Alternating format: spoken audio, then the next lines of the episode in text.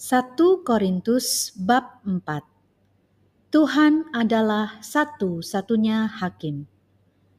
Demikianlah hendaknya orang memandang kami sebagai hamba-hamba Kristus yang kepadanya dipercayakan rahasia Allah, yang akhirnya dituntut dari pelayan-pelayan yang demikian, ialah bahwa mereka ternyata dapat dipercayai.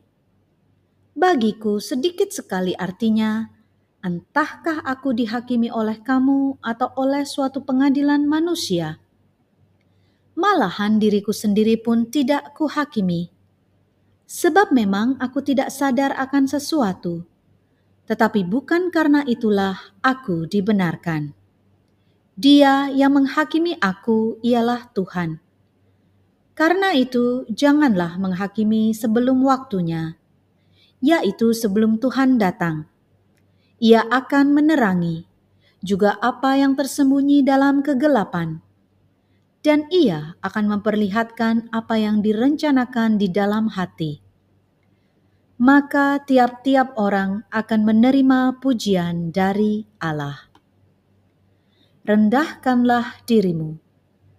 Saudara-saudara, kata-kata ini aku kenakan pada diriku sendiri dan pada Apolos karena kamu, supaya dari teladan kami kamu belajar apakah artinya ungkapan jangan melampaui yang ada tertulis, supaya jangan ada di antara kamu yang menyombongkan diri dengan jalan mengutamakan yang satu daripada yang lain. Sebab siapakah yang menganggap engkau begitu penting? Dan apakah yang engkau punyai yang tidak engkau terima? Dan jika engkau memang menerimanya, mengapakah engkau memegahkan diri, seolah-olah engkau tidak menerimanya? Kamu telah kenyang, kamu telah menjadi kaya, tanpa kami kamu telah menjadi raja. Ah, alangkah baiknya kalau benar demikian, bahwa kamu telah menjadi raja, sehingga kami pun turut menjadi raja dengan kamu Sebab menurut pendapatku, Allah memberikan kepada kami para rasul tempat yang paling rendah, sama seperti orang-orang yang telah dijatuhi hukuman mati. Sebab kami telah menjadi tontonan bagi dunia, bagi malaikat-malaikat dan bagi manusia. Kami bodoh oleh karena Kristus, tetapi kamu arif dalam Kristus kami lemah, tetapi kamu kuat. Kamu mulia, tetapi kami hina. Sampai pada saat ini kami lapar, haus, telanjang, dipukul, dan hidup mengembara.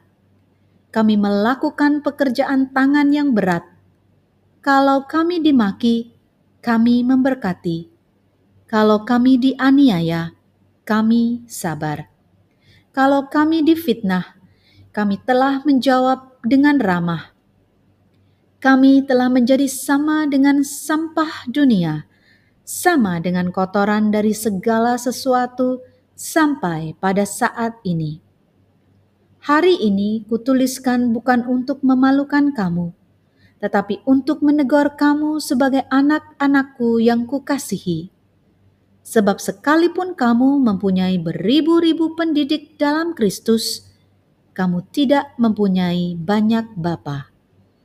Karena akulah yang dalam Kristus Yesus telah menjadi bapamu oleh Injil yang kuberitakan kepadamu.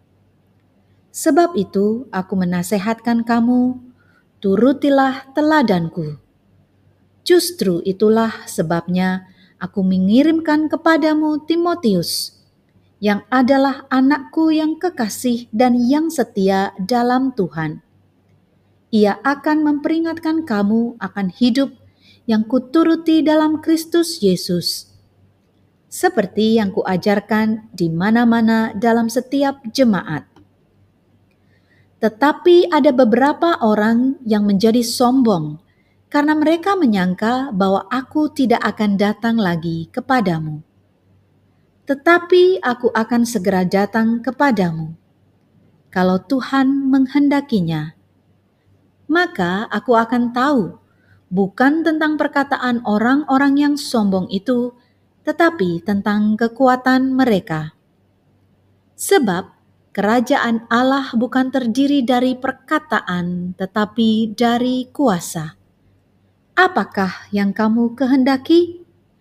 Haruskah aku datang kepadamu dengan cambuk atau dengan kasih dan dengan hati yang lemah lembut? Demikianlah sabda Tuhan. Syukur kepada Allah.